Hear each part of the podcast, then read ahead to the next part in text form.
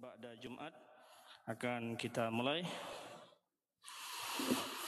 narasumber kita sebagaimana biasa Al-Mukarram Tuan Guru Bajang Dr.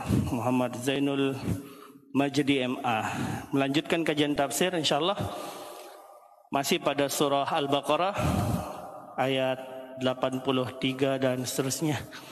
Untuk lebih berkah, marilah kita buka dengan sama-sama melafazkan basmalah. Bismillahirrahmanirrahim. Mari sama-sama para jamaah insyaallah kita tabarukan dari Al-Mukarram. Falyatafaddal mashkura. tabarukan,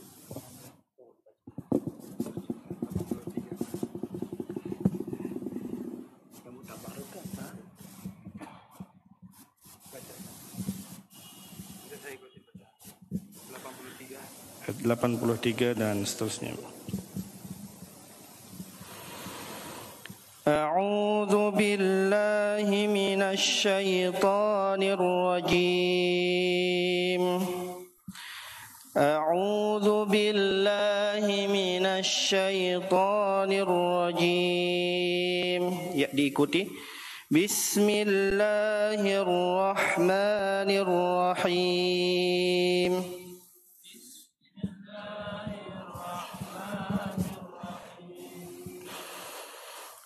وإذ أخذنا ميثاق بني إسرائيل لا تعبدون إلا الله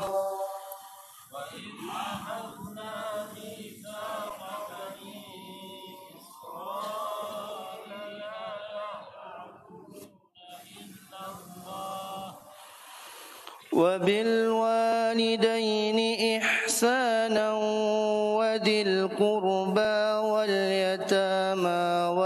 والمساكين وقولوا للناس حسنا.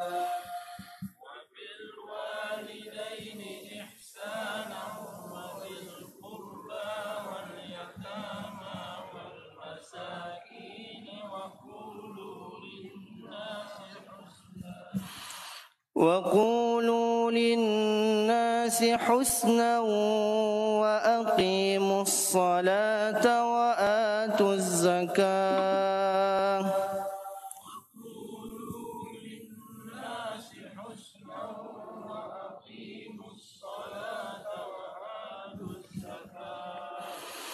ثم توليتم إلا قليلا منكم وأنتم معرضون.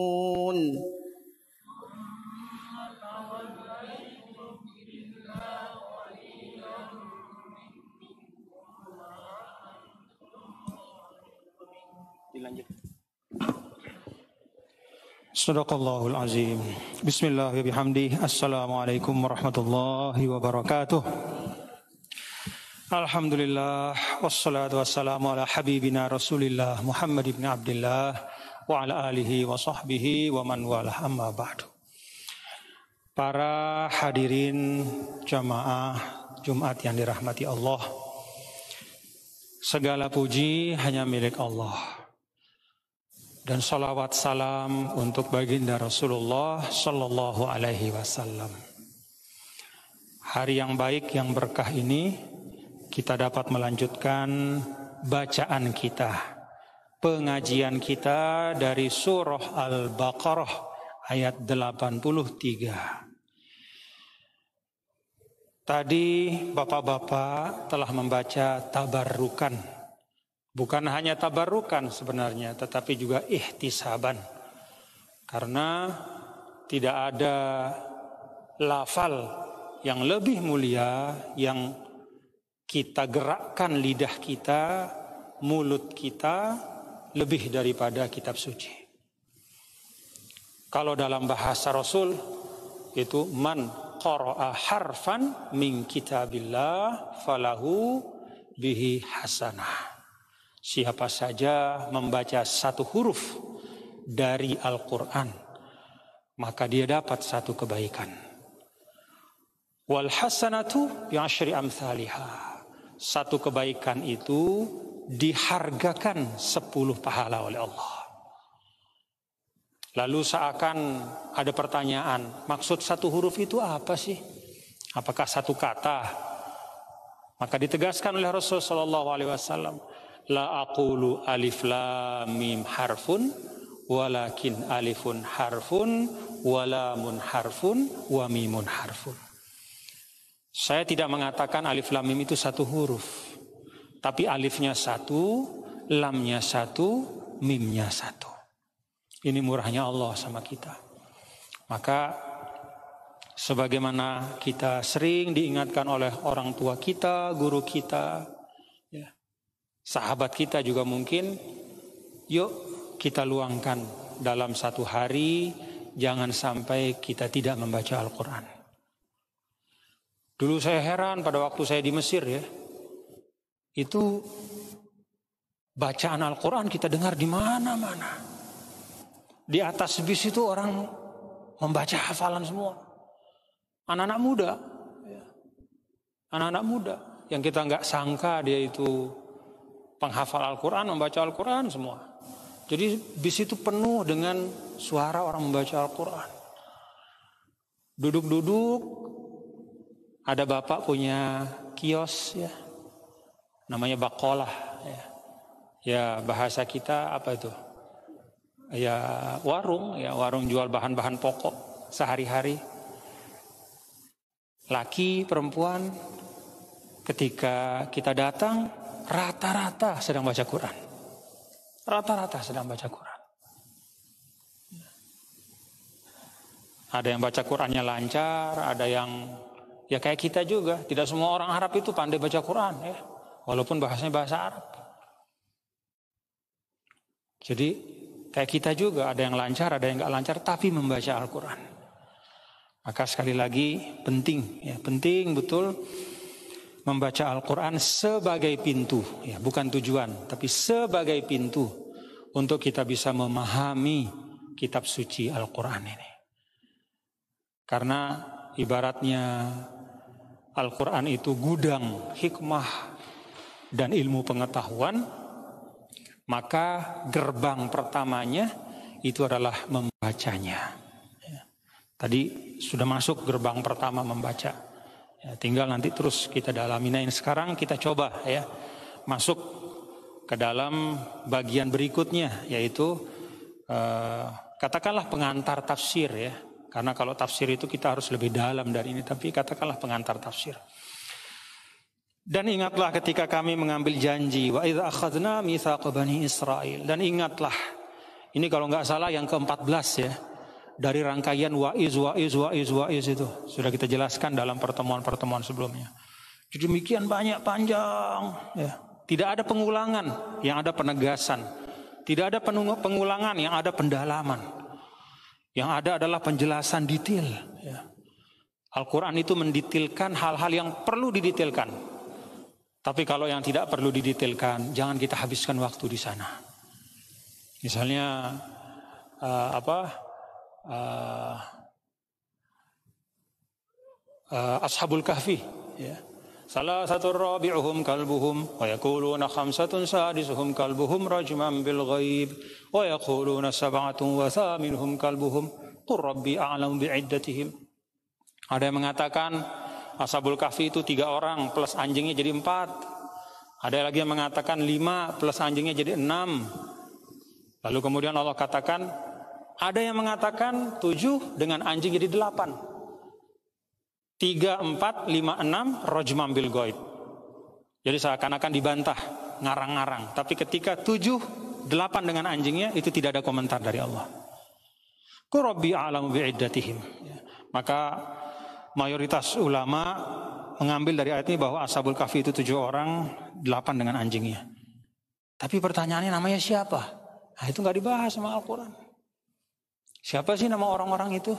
Ya. Siapa sih nama anjingnya? Itu tidak dibahas. Maka tidak perlu kita menghabiskan waktu. Ya.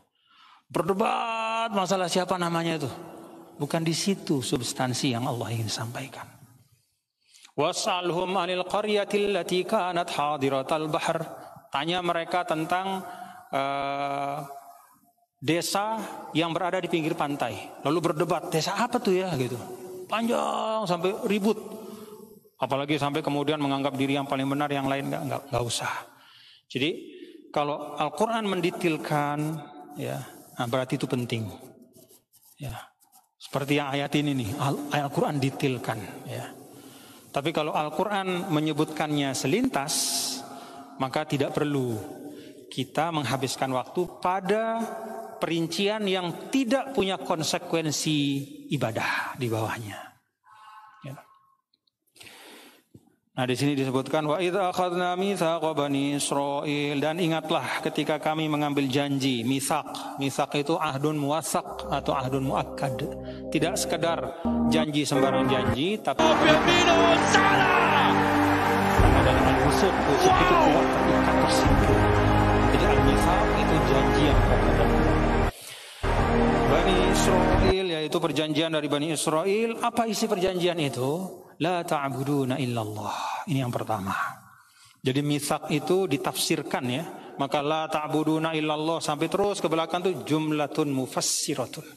Dia menjelaskan tentang apa sih komitmen yang dulu disepakati itu. La ta'buduna illallah bahwa kalian semua tidak menyembah kecuali Allah. Ya. Ini uh, apa kata para ulama ya bentuknya adalah la ta'budun kalian tidak menyembah. Padahal asalnya adalah jangan menyembah selain Allah. Jadi larangan untuk menyembah selain Allah. Tapi dibahasakan oleh Allah seakan-akan mereka sudah melaksanakannya. Yaitu kalian tidak menyembah selain Allah. Apa artinya kata para ulama ini salah satu uh, makna dari penggunaan bentuk seperti ini untuk menunjukkan ya bahwa itu memang sesuatu yang seharusnya. Jadi menyembah hanya kepada Allah itu sudah seharusnya. Artinya tidak dalam konteks dia akan dilaksanakan tapi memang sudah seperti itulah seharusnya kehidupan. Allah yang ciptakan kok yang disembah selain Allah. Kan lucu. Maka la ta'budu illallah ya. Itu kemudian dibahasakan dengan la ta'buduna illallah. Jadi larangan tapi dibahasakan dengan seakan-akan. Memang itulah yang sudah terjadi yang seharusnya. Jadi kayak kira-kira gini nih kalau bahasa kita. Misalnya uh, Nanti Tuan Guru Solah uh, nanti Tuan Guru Solah misalnya uh, nanti Tuan Guru Solah tidak uh, keluar dari rumah ini kecuali jam 3 ya. Itu sebenarnya larangan. Artinya Tuan Guru Solah jangan keluar ya dari rumah ini gitu. Tapi karena itu sesuatu yang dianggap memang sudah seharusnya, maka seakan-akan sudah terjadi. Maka begitu di sini. Wa bani Israil la ta'buduna illallah. Itu yang pertama. Apa yang kedua? Bil walidaini ihsana. Ini komitmen. Ya, ini komitmen. Setelah perintah tauhid bertauhid, yang kedua berbakti kepada kedua orang tua. Wabil walidaini ihsana. Ai wa ahsinu bil walidaini ihsana. Berbuat baiklah, berbuat ihsanlah kepada kedua orang tuamu. Wadil kurba dan sambunglah silaturahim berbuat baik kepada keluarga waliyatama berbuat baik kepada anak-anak yatim wal masakin kepada fakir miskin wa qulu nasi husna berucap baik kepada manusia wa aqimus salata tegakkan salat wa atuz zakata tunaikan zakat ada berapa nih? Satu, dua, tiga, empat, lima, enam, tujuh, delapan. Jadi ada delapan perintah dalam satu ayat ini. Ini perintah yang kata para ulama Wahadihi usulus syara'i. Inilah pokok-pokok dari syariat Allah. Dan ini merupakan pokok syariat yang berlaku untuk semua umat. Jadi ini bercerita tentang komitmen atau perintah Allah kepada Bani Israel pada zaman Nabi Musa. Kalau saya tanya misalnya bapak-bapak, kalau kita baca misalnya hadis-hadis Rasul, kita baca perintah Allah di Al-Quran untuk kita, sama enggak dengan delapan ini? Sama, tidak ada bedanya sama sekali. Ini termasuk usul syara'i. Ini penting dalam kehidupan. Ini menentukan keselamatan. Nanti di rumah dikaji delapan ini ya. Baca dia pelan-pelan lalu refleksikan dalam kehidupan. Sudahkah kita melaksanakan yang delapan ini? Kadang bapak-bapak ibu kita itu punya sulamul aulawiyatil makus katanya ulama.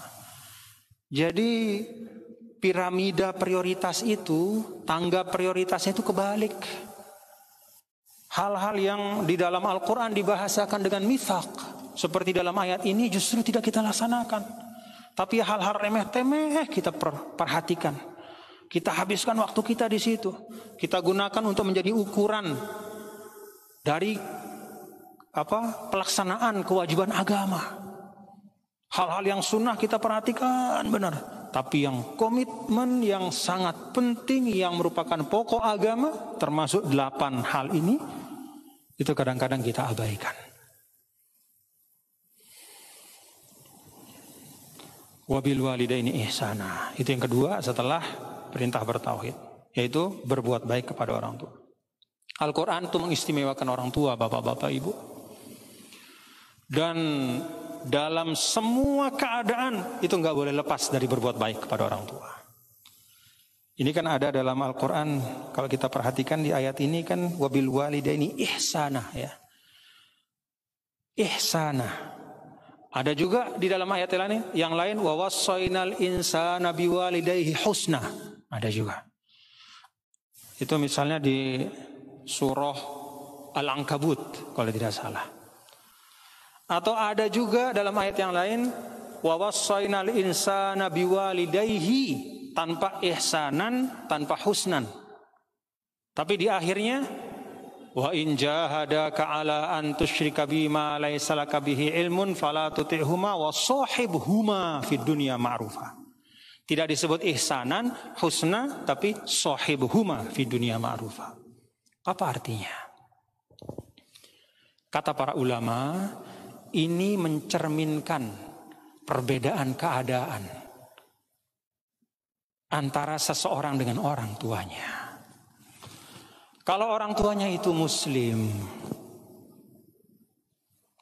atau orang tuanya itu non muslim tapi tidak mengajak dia kepada kekufuran, tidak juga memaksa dia untuk kufur, maka yang berlaku itu ihsanan kata ulama. Jadi puncak kebaikan. Jadi kalau orang tuanya orang tua kita muslim ya benar-benar ihsan.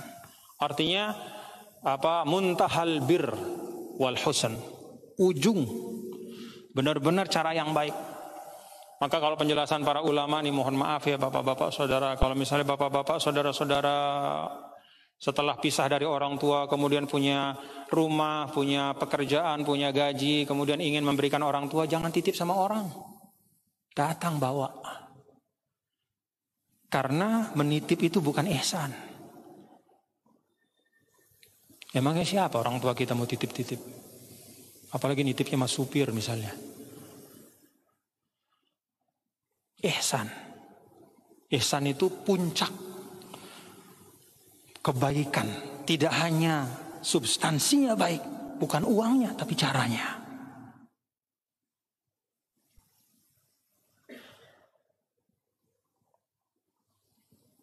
Ihsan itu silakan duduk Pak sama Bapak kita.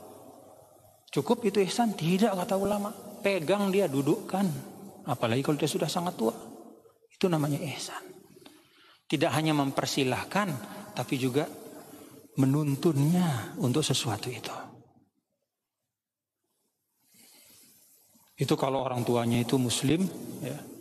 atau bahkan orang tuanya itu non muslim, tapi dia menghormati. Misalnya ada anak dia mualaf masuk Islam, orang tuanya masih non muslim misalnya, ada terjadi banyak ya. Tetap walidain ini ihsanan itu tetap dibawa. Nah, ada yang berikutnya di bawah ihsan itu husna ya. Wa wasainal insana biwalidayhi husna. Itu berbuat baik tapi sedikit di bawah ihsan. Kapan itu? Ketika litusyrika bihi. Ya.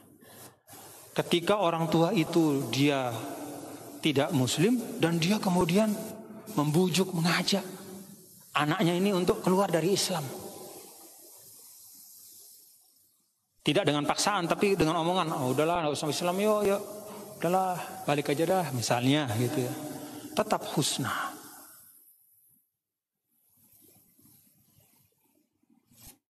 Kapan ihsan dan husna itu hilang? Ketika ada orang tua, dia non muslim, lalu dia paksa anaknya yang muslim itu untuk keluar dari Islam, bahkan dengan menyiksa, nggak ngasih dia duit, nggak bayarin dia sekolah. Ini anak misalnya dia kuliah gitu ya, terus dia masuk Islam misalnya nih, lalu orang tuanya marah, lalu ditutup eh, apa namanya, ditutup eh, uang bulanannya, ya SPP-nya nggak dikasih, uang kosnya nggak dikasih. Ya. Kemudian orang tuanya datang memaksa bahkan dengan kekerasan sampai misalnya dipukul. Bagaimana bahasa Al-Quran? Wasohibuhuma fid dunya ma'rufa. Memang tidak ihsan, memang tidak husn, ya. tapi sohibuhuma fid dunya ma'rufa. Tetap, tetap temani dia. Jangan memutuskan silaturahim. Tetap sopan, baik. Itu uh, apa? Salah satu pokok agama. Kenapa demikian Bapak-bapak dan saudara-saudara? Karena di dalam Islam itu kita diajarkan melihat kehidupan itu satu rangkaian. Anda tidak akan ada kecuali perantaraan orang tua Anda. Ya, kita ini bukan Nabi Adam yang dibuat dari tanah. Kita bukan Nabi Isa yang hanya punya ibu. Kita ini punya ibu bapak. Itulah wasilah kita yang Allah Subhanahu wa taala takdirkan kita ada di dunia. Ya. Dengan wasilah itu kemudian kita bisa mencari hidayah. Dengan wasilah itu karena kita ada di dunia kita bisa mencari kebenaran, kita bisa belajar.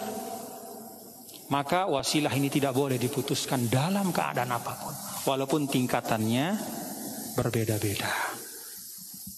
Kita ambil dari yang paling minimal tadi, bahkan diandaikan kedua orang tua atau salah satunya memaksa Anda misalnya untuk meninggalkan agama Allah lalu dia menyiksa Anda dia menyakiti Anda huma di dunia ma'rufa tetap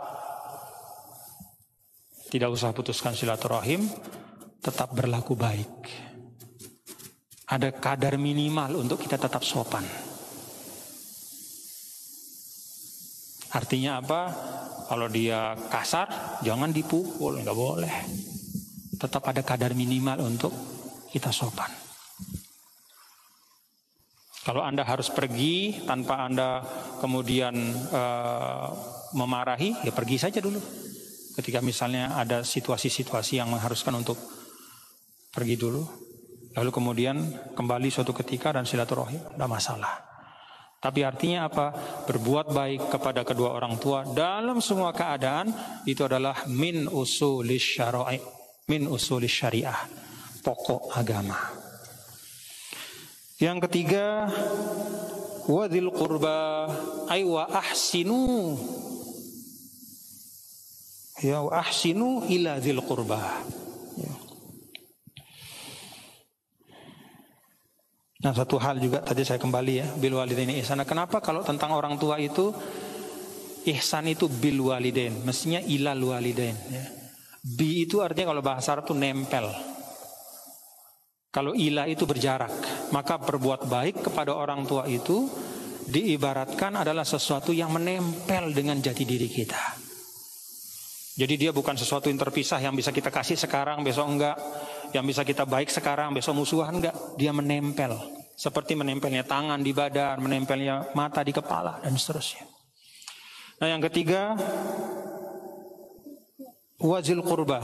Zil kurba itu artinya yang punya hubungan kekerabatan. Artinya apa? Berbuat baik kepada keluarga. Maka kalau ada kelebihan ya dan ingin bersedekah, bersedekahlah kepada keluarga sebelum kepada yang lain. Kalau kata Rasul Shallallahu Alaihi Wasallam, silatun apa? Uh, silatun wasodakoh. Jadi kalau kepada orang yang lain yang tidak ada hubungan keluarga itu sodakoh dapat satu, tapi kalau dengan kepada keluarga silatun di situ ada makna menyambung silaturahim plus sodakoh jadi dua. Nah ini didahulukan ya wal yatama dan anak-anak yatim. Kita tahu anak-anak yatim itu adalah yang kehilangan orang tuanya sebelum dia akil balik ya. Kalau sudah 20 tahun ya bukan yatim dia.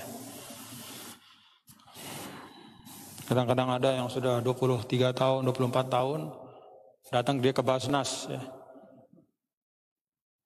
Misalnya ya. Saya ini fakir miskin misalnya. Karena apa saya fakir miskin? Ya saya anak yatim yang termasuk miskin. Pertama belum bukan anak yatim kalau sudah akil balik. Jadi yang namanya yatim itu adalah sebelum qoblal buluk, sebelum akil balik. Kalau sudah akil balik ya bukan anak yatim namanya ya. Ini juga wajib untuk di, uh, dimuliakan. Wajib untuk dimuliakan. Kata Rasulullah SAW, saya bersama penanggung anak yatim di dunia seperti ini di sorga. Jadi antara jari jari telunjuk sama jari tengah. Ya, menunjukkan dekatnya Rasul dengan orang yang kafilul yatim, yang peduli sama anak yatim. Bukan dengan omongan peduli maksudnya ya, tapi dengan cara. Wal masakin dan juga orang-orang miskin. Ini yang keberapa ini? Kelima ya. Kelima. Al-masakin. Al-masakin itu miskin ya, jamak daripada miskin. Miskin itu adalah orang yang orang yang uh, punya uang tapi laisa lahu kifayah. Ya. Dia punya uang tapi tidak cukup untuk kebutuhannya. Lebih rendah dari miskin itu fakir. Fakir itu dia uh, lama lalahu ala kasab. Ya. Atau kalau diilustrasikan oleh ulama misalnya kalau seseorang itu membutuhkan 10 dalam satu hari maka di bawah 50% itu disebut fakir. Dia perlu 10 tapi dia cuma punya tiga misalnya itu fakir itu. Nah dia punya 10 tapi dia dapat 6. Nah itu miskin ya, di atas 50%. Ini upaya mendekatkan pemahaman saja.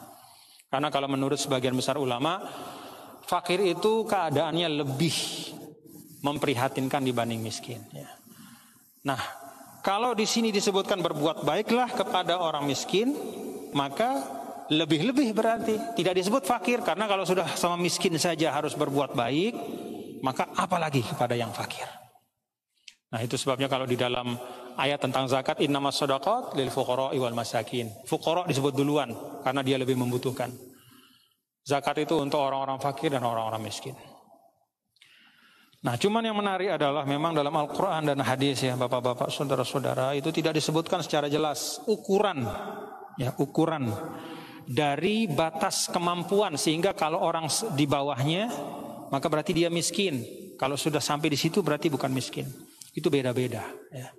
Maka karena tidak ada dijelaskan secara eksplisit dalam Al-Quran dan hadis, maka para ulama juga beda-beda memahaminya gitu. Kadar antara yang disebut dengan miskin itu ya. Ada misalnya di mazhab Hanafi mengatakan bahwa kadar daripada miskin itu adalah kalau dia kurang dari nisab zakat misalnya ya. Nisab zakat itu kan kalau onta itu empat onta ya. Kalau kambing itu kan 40. Jadi kalau masih punya 39 kambing itu termasuk miskin gitu. Mazhab Hanafi misalnya ya. Ada yang begitu gitu. Dan eh, ya macam-macam lah ya. Tetapi saya cenderung ya kepada eh, pandangan yang menyampaikan atau yang menyebutkan bahwa itu diserahkan kepada keadaan dan situasi. Itu pula sebabnya kenapa Allah tidak uh, menditilkan ya. Bahwa yang namanya miskin itu yang punya uang di bawah sekian misalnya. Atau yang nggak punya rumah misalnya. Jadi diserahkan kepada situasi dan keadaan. Dan kita bisa melihat ya, bisa melihat itu bahwa eh, apa namanya? Ya kalau ada orang yang memang tidak dapat mencukupi kebutuhannya ya dan ketika bicara kebutuhannya adalah kebutuhan pribadi dan yang dia tanggung. Jadi Islam itu selalu meletakkan orang yang ditanggung itu menjadi bagian jadi seseorang dikatakan miskin itu bukan hanya karena dia tidak bisa memenuhi kebutuhannya. Boleh jadi untuk dia sendiri bisa, tapi untuk istrinya, untuk anaknya tidak. Katakan misalnya dalam satu bulan ya, misalnya saja uh, seorang membutuhkan satu juta rupiah. Dia punya istri dan punya anak tiga, berarti kalau di total lima juta. Lalu dia hanya punya uang dua juta misalnya. Misalnya ini misalnya saja. Kalau untuk pribadinya dia cukup, tapi untuk istri dan anaknya berarti nggak cukup. Ya, sedangkan itu satu kesatuan. Maka sebagai satu kesatuan itu termasuk minal masakin. Nah ini di, diserahkan uh, kepada apa ya kepada kepada kebiasaan. Jadi kalau bapak-bapak saudara-saudara ingin berzakat ya uh, kepada fakir miskin boleh sendiri Artinya memberikan zakat kepada orang yang kita anggap ya memang dia tidak mampu. Dia tidak cukup. Tetangga kita misalnya kita tahu persis betul-betul mati-matian dia bekerja tapi dia uh, sering berhutang misalnya ya karena ketidakcukupan itu. Atau makanan yang dia belikan untuk anaknya itu bukanlah makanan yang layak. Kalau sudah berkurang daripada standar kelayakan itu berarti tidak mampu. Kita boleh pandangan oh boleh. Sedekah. Kalau tidak mau repot, nah itulah makanya kemudian diserahkan kepada ulul amr. Ulul amri itu wujudnya kalau bahasa kita sekarang ada basnas, ada lembaga amil zakat. Jadi tidak usah kita merepotkan diri ya untuk memperkirakan mana yang pas untuk kita kasih, serahkan saja kepada amil zakat. Lebih aman itu. Nanti dia menentukan ya, berdasarkan kriteria-kriteria sesuai dengan adat kebiasaan dan keadaan di suatu masa. Memang menarik ya kalau dulu dulu bahkan kalau apa namanya sebagian ulama itu yang disebut dengan miskin ya itu orang yang tidak bisa memenuhi kebutuhannya bukan hitungannya setahun apalagi sehari kalau kita kan sekarang biasa ngitung sehari Bapak Ibu ya. Misalnya gini. Uh, siapa sih yang miskin itu? Kita hitung kalau orang dalam kebutuhan sehari dia harusnya untuk hidup layak itu dia punya penghasilan 200 ribu. Tapi dia mendapatkan hari ini hanya 150 ribu. Berarti dia miskin. Tapi kalau sebagian ulama ini masa-masa yang lalu ya. Ada yang menghitung dengan satu tahun.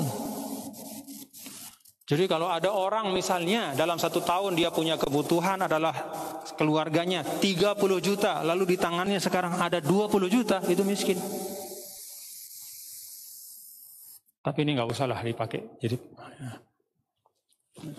ada bahkan yang hitung, ada yang menghitung bahkan ya sampai hitungan berapa umur yang wajar. Misalnya si A umurnya 30 tahun. Lalu umur rata-rata katalah dihitung 60 tahun. Per tahun si A ini butuh 30 juta. Dikalikan 30 tahun. Sisa umur kira-kiranya dia gitu. 900 juta berarti kan? 30 kali 30 itu 900 juta. Berarti kalau dia punya uang 700 juta di tangannya dia miskin juga gitu. Ini hitung-hitungan ulama dulu ya. Mungkin dulu uang banyak ya. Mungkin apa namanya eh, negara-negara pemerintahan pada masa itu memang memang tidak melihat sampai pada tingkatan yang yang yang rendah sekali ya. Tapi sekarang nggak bisa ya. Nanti repot itu. Banyak yang antri di depan Basnas ya. Yang punya uang banyak dia hitung. Saya kan usia saya 40 tahun. Kira-kira kalau umur hidup di Indonesia ini 65 tahun berarti 25 tahun. Kebutuhan yang harus tercukupi 25 tahun. Saya setahun butuh uang 20 juta, 20 kali 20 500 juta. Saya cuma punya 400 Pak nih. Saya minta zakat, nah, nggak boleh itu ya. Itu nggak cocok lah dengan situasi. Jadi memang dikembalikan kepada situasi yang ada. Nah oleh karena itu saya sampaikan tadi untuk masalah zakat itu lebih baik ya. Kalau memang kita tidak yakin dan tidak punya waktu untuk mendetailkan, maka kita serahkan kepada lembaga yang berwenang. Wa qulu linnasi husna. Kemudian yang keenam adalah dan berucaplah linnas ya, berucaplah bertutur katalah yang baik kepada manusia. Wa qulu linnasi husna. Nah, linnas ini kalau dalam bahasa ulama itu pertama ma'annas. Berucap baiklah ma'annas ketika engkau berada di keramaian bersama-sama. Ya tentu ya kalau misalnya sendiri ngomong sendiri kan tidak sehat namanya ma'annas itu yang pertama. Di majelis berucap yang baik. Keluar kata-kata yang baik darimu yang didengar oleh orang dari mulutmu sesuatu yang baik. Itu ma'annas. Yang kedua, linnas. Mengucapkan sesuatu kepada orang itu baik. Saya ketemu sama Ustaz, apa namanya? Satrofi. Assalamualaikum Satrofi, apa kabar? Satrofi sehat walafiat. Nah, pokoknya kayak gitu. Itu linnas. Itu masuk bagian juga ini. Langsung kita arahkan omongan kepada orang harus baik. Yang ketiga, aninnas. Ngomongin orang yang nggak ada. Itu juga harus baik. Jadi ngomong secara umum di majelis misalnya kita nggak arahkan kepada siapa-siapa secara khusus kita cerita aja. Jangan cerita-cerita yang cabul. Itu berarti bukan merupakan kaulan hasan ma'anas. Itu bukan ucapan yang baik bersama manusia. Yang kedua linnas, arahkan kepada orang yang ada misalnya kita menegur, menyapa, kata yang baik. Yang ketiga, kalau yang kita bicarakan itu enggak ada aninnas juga harus bagus. Jadi wakulu linnasi husna ini kalau kata para ulama ini mencakup seluruh bentuk tutur kata dan ucapan kita ya. Di tengah orang banyak kepada orang lain dan tentang seseorang. Sudah nggak kita amalkan ini?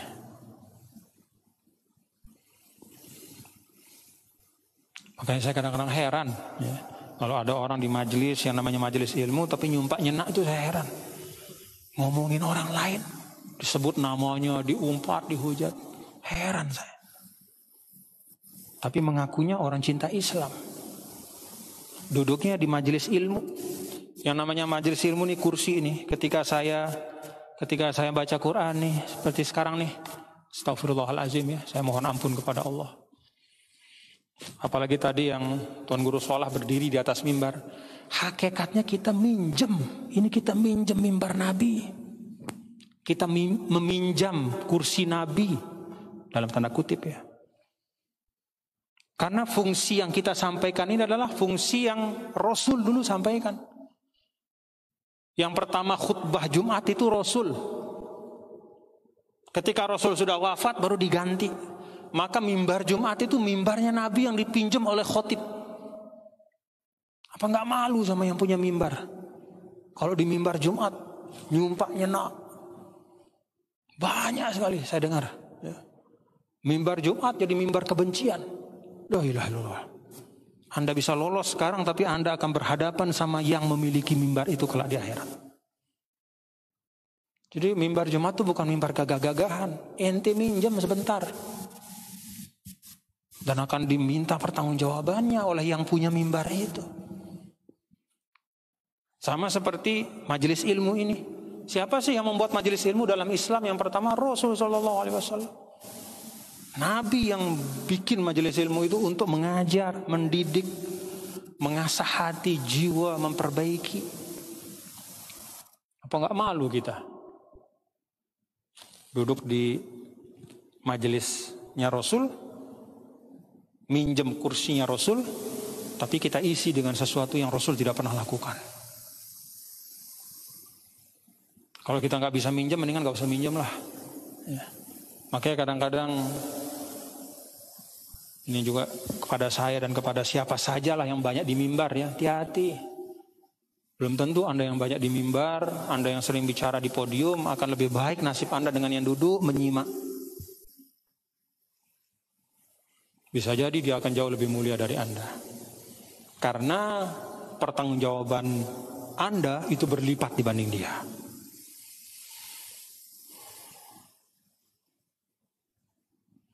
Astagfirullah. وقولوا للناس حسنا واقيموا الصلاة وآتوا الزكاة واقيموا الصلاة ini yang ketujuh ya dalam rangkaian misak itu tunaikan salat tegakkan salat ya salat dengan cara mereka Bani Israel dulu kan beda-beda caranya ya tapi esensinya tetap salat jadi salat itu adalah kewajiban kepada semua umat yang disampaikan oleh setiap nabi dan rasul dengan cara yang berbeda-beda perinciannya. Bahkan dulu Nabi Shallallahu Alaihi Wasallam disebutkan sebelum hijrah ke Madinah, sebelum turun perintah sholat lima waktu, beliau sholat dua kali sehari, pagi dan petang, di samping Ka'bah.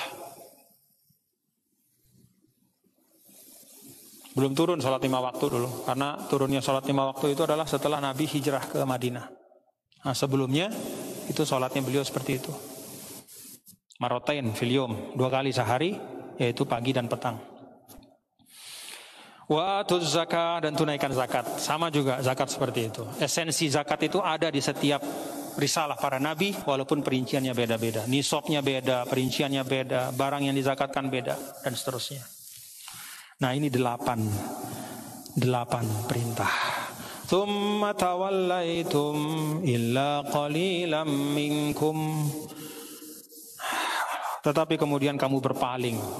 Berpaling dalam arti mengingkari. Ya, mengingkari. Berpaling. Illa qalilam minkum kecuali sebagian kecil dari kalian. Ini amanah Al-Qur'an. Jadi Al-Qur'an itu menjelaskan dengan penuh amanah.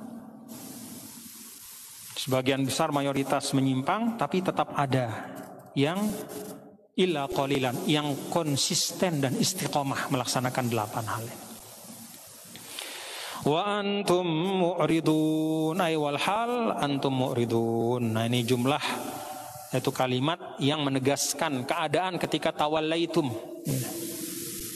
Jadi mereka ini yang namanya tawalla itu tawalla itu berpaling. Berpalingnya bukan sekali dua kali. Dari mana kita tahu? Wa antum mu'ridun. Jadi kata wa antum mu'ridun sedangkan kalian memang orang-orang yang selalu berpaling. Jadi Bani Israel itu bukan sekali dua kali dia menyimpang ya. Bukan hanya sekarang misalnya ya. Dalam hal ini saja tapi wa antum mu'ridun. Emang sifatnya kayak begitu. Ini penegasan ya tentang karakter dari masyarakat itu. Nah bagian dari yang akhir ini juga bapak-bapak saudara-saudara mengajarkan kita ya Gini Kapan masyarakat itu dikatakan baik? Kalau dalam bahasa Al-Quran Baldatun taibatun warobun gofur Kapan itu? Sebaliknya Kapan masyarakat itu dikatakan tidak baik? Kalau kita lihat dalam ayat ini Ini contoh dari masyarakat yang tidak baik Kapan masyarakat tidak baik? Ketika sebagian besar, nah, sebagian besar tenggelam dalam keburukan, walaupun ada sedikit yang tersisa yang masih melakukan kebaikan. Maka masyarakat itu disebut masyarakat yang buruk. Masyarakat dikatakan baik adalah kalau sebagian besarnya itu cinta pada kebaikan, walaupun ada yang bagian kecil yang tenggelam dalam keburukan kemaksiatan. Nah, jadi saya ingin sampaikan uh, satu apa catatan ini adalah supaya kita jangan cepat mengatakan bahwa wah kita ini masyarakat sudah rusak. Emangnya antum sudah hitung? Emangnya anda sudah hitung orang yang berbuat salah sama orang yang berbuat baik? Kalau saya saya tetap mengatakan Indonesia ini insya Allah balatun toibatun warabun gofur. Karena orang baiknya masih jauh lebih banyak daripada orang yang nggak baik.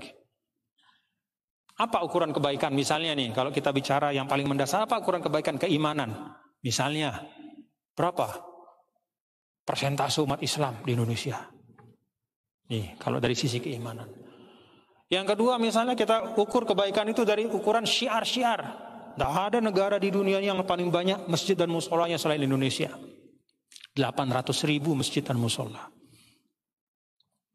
Kalau kita bicara tentang kebaikan itu dari sisi institusi-institusi yang mengajak kepada kebaikan, tidak ada di dunia ormas Islam sebanyak di Indonesia. Tidak ada lembaga pendidikan keislaman swasta yang dibangun oleh masyarakat yang lebih banyak dibanding di Indonesia. Pesantren, puluhan ribu, sekolah-sekolah madrasah. Jadi jangan bapak-bapak saudara-saudara termakan oleh omongan. Misalnya wah Indonesia ini sudah tidak ada keberkahannya. Wah hanya karena satu dua seribu dua ribu tiga ribu empat ribu lima ribu masalah. Jauh lebih banyak kebaikan di Indonesia kita ini. Ini ayat mengajarkan kita ya, bahwa suatu tempat itu baik kalau kita meyakini lebih banyak orang berbuat baik di situ. Dan memang, ya bapak-bapak kita masih yakin kan ya, Indonesia ini masih jauh lebih banyak yang baik. Yang repot adalah ketika sudah tidak ada berita keburukan, karena keburukan itu sudah menjadi kebiasaan. Nah itu bahaya. Tapi selama masih ada berita keburukan, kejahatan, sesuatu yang tidak baik, yang lalu membuat kita istighfar, yang membuat kita apa namanya segera mengkoreksi diri itu artinya apa? Artinya secara umum kita masih menganggap sesuatu itu adalah sesuatu yang tidak baik. Yang repot adalah ya seperti tadi, kalau sudah hal-hal buruk sudah nggak ada diberitakan ya karena memang sudah keseharian. Ya. Alhamdulillah kita tidak seperti itu. Nah ini juga untuk membangun optimisme kita sebagai umat Nabi besar Muhammad Sallallahu Alaihi Wasallam selalu optimis ya, melihat sisi yang baik. Termasuk Indonesia yang kita cinta ini. Wallahu subhanahu wa ta'ala alam. Bapak-bapak dan saudara, kita sudah selesai membaca satu ayat yang sekali lagi di dalamnya itu ada misak, ya. misak yang berlaku untuk kita, sebagaimana juga berlaku kepada orang-orang Bani Israel kaumnya Nabi Musa, kaumnya Nabi Isa, kaumnya Nabi Nabi Nuh dan semuanya ya. Ini adalah min usul syara'i. Ini adalah usul-usul atau pokok-pokok dari syariat. Silahkan resapi, pelajari delapan hal itu ya. Delapan hal itu sejauh mana kita sudah mengamalkannya kepada orang tua, kepada kerabat, kepada orang-orang uh, anak yatim, kepada orang-orang miskin, kepada manusia secara keseluruhan. Kalau kita perhatikan dari delapan hal ini, ya, dua di antaranya terkait dengan ibadah mahdoh, hubungan kita dengan Allah. Enam di antaranya itu ada kaitannya dengan manusia, yaitu berbuat baik kepada orang tua, kepada kerabat, kepada anak-anak yatim, kepada orang-orang miskin, kemudian berucap yang baik kepada sesama manusia dalam keadaan apa pun, lalu berzakat. Itu ada kaitannya sama manusia. Mari kita berusaha untuk mengamalkan. Mudah-mudahan Allah Subhanahu wa taala mudahkan. Jam berapa nih? Oh, sudah. Saya pikir cukup ya. Nanti uh, kita akan lebih panjang mudah-mudahan kalau situasi sudah lebih lebih baik ya. Dan seperti yang disampaikan oleh Tuan Guru Doktor sholah tadi bahwa apa yang kita hadapi ini adalah sesuatu yang harus kita ikhtiarkan untuk menjauhinya.